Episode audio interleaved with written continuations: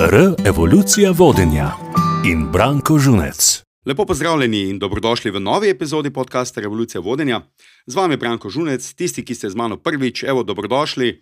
Vabim vas, da si seveda poslušate tudi druge podcaste, tisti, ki pa me že spremljate, veste, da je na vrsti pas številka šest. Ste se kaj prepoznali v preteklih petih pasteh?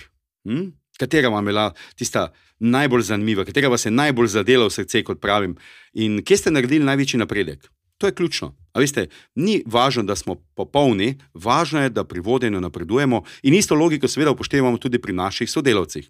Saj veste, kako je, ne? napredek je vedno boljši od perfekcije in če stalno napredujemo, smo na koncu tako dobri, da nas drugi, ko nas gledajo od strani, dejansko sprašujejo, pa kako tebi vedno uspe, da v situaciji tako odlično reagiraš. No, zato jaz tudi snimam te podkaste, da boste, dragi vodje, v najtežjih situacijah tako suvereni, da boste res ponosni na sebe. No, pa poglejmo, katera je ta pas številka šest. Imenuje se zelo enostavno: Nimam časa za vodenje. Ali dosti ga slišim na izobraževanjih, joj, Branko, veš, vse to je vse lepo in prav, super to, kar razlagaš. Glej, to mi zelo všeč, samo veš kaj, ko nimam časa, ko imam toliko operativnih in drugih nalog, da mi enostavno za vodenje, mislim, ne ostane kje dosti časa. No? In jaz jih razumem, jaz jih poslušam. Pa pa na koncu vprašam, ok, ampak danes smo tukaj cel dan. Včasih celo dva dni. Sem rekel, pa kako vam je uspelo cel dan ob množici aktivnosti, ki jih imate, rezervirati za tale naše, naš vodstveni trening. Ja, potem pa pridem do enega spoznanja, da si je treba čas za vodenje rezervirati kot vse ostale stvari. Če jemliš ljudi resno, potem si vzameš čas za nje in si rezerviraš. Mislim, kako enostavno je, ko rečeš, pa se to rečeš, nimam časa za sodelavce, ker imam sestanek s poslovnim partnerjem. Ampak poslovni partner bo naročil nekaj, kar bodo dejansko dostavili naredili moji sodelavci. Tako da enako resno, kot vse ostalo, jemljem tudi moje sodelavce, kajti vodja, ki se ne ukvarja s sodelavci, si ne zasluži naziva vodja, pika. Tu nimam kaj dodati.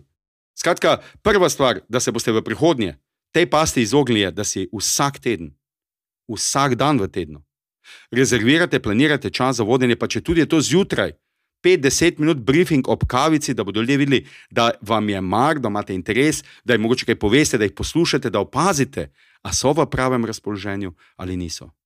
Čeprav je to pas številka šest, jaz te včasih rečem kronska past ali tista glavna past, če v to pas padem, padem tudi zelo pogosto v vse ostale pasti in tudi moja produktivnost, oprostite, produktivnost moje ekipe ni ravno na zavidljivi ravni.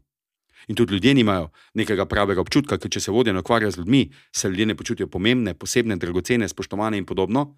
In potem vi pričakujete, da se bodo potrudili po svojih najboljših močeh, ne gre. Ne gre. Ljudje vas, ljudje vas rabijo, ljudje vas pričakujejo, včasih si vas želijo, ampak tega vam ne bodo povedali.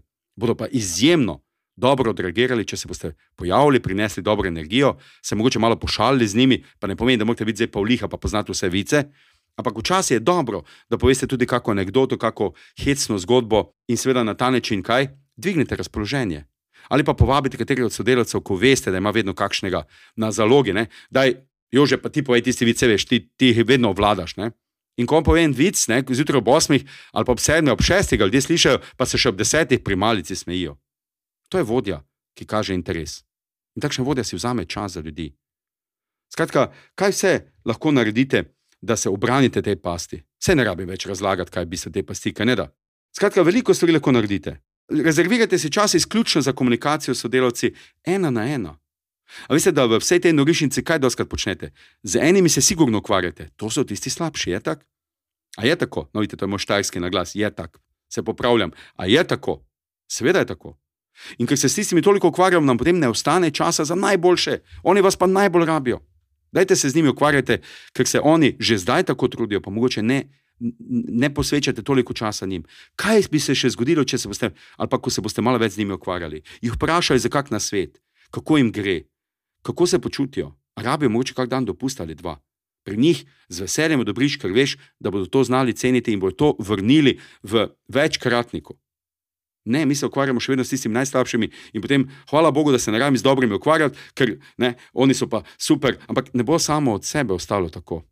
Ti vaši delavci ne bodo sami od sebe ostali tako odlični, če ne boste se z njimi ukvarjali, usedli, jih vprašali, tudi na letnem razvojnem pogovoru jim dali vedeti, da so izjemno pomembni za vas. Dajte si planirajte čas za vaše sodelavce. Bom povedal še eno tako misel, tudi v moji knjigi Revolucije vodenja imam ogromno. Ta pravi, izvabiti najboljše iz sodelavcev, iz sodelavcev in se pri tem zanašati na srečo, na ključje, ne gre. Z ljudmi se treba ukvarjati vsak dan. Razmislite, koliko časa si lahko dnevno vzamete za vodenje. Da ne boste delali revolucije v svojih navadah, ampak evolucijo. Začnite recimo s tem, da investirate 10 minut več na dan za svoje najboljše delavce, da ostanejo najboljši. Ali pa investirajte 20 minut več na dan za svoje dobre sodelavce, ki lahko postanejo še boljši, ne, da, da v bistvu delujete kot mentor, coach. Porabite 15 do 20 minut na, manj na dan za tiste, ki od vas zahtevajo samo čas, energijo in živce, pa dejansko ukvarjanje z njimi ne prinese tistega želenega napredka, kot dejansko si ga želite. No. In tukaj sem vam takoj prihranil nekaj časa, ali pa tiste pol ure, ki jih lahko zdaj posvetite komu, tistim, ki bodo znali to ceniti in pretvoriti v dodatne rezultate.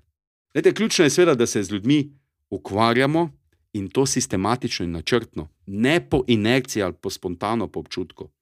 Zato je ta past tako velika in bom rekel, ena od ključnih pasti za vodje. Ko se enkrat tej pasti izognete, ko začnete načrtovati vse več časa za sodelavce, boste videli, kako bo to ne samo blagodejno za vaše počutje, ampak koliko bo to koristno tudi za vaše delovanje v vlogi vodje. Koliko idej, koliko koristnih informacij boste dobili od tistih boljših sodelavcev, koliko mogoče si glavo razbijate, kako bi neko zadevo reorganizirali, prestrukturirali, poenostavili, skrajšali, izboljšali.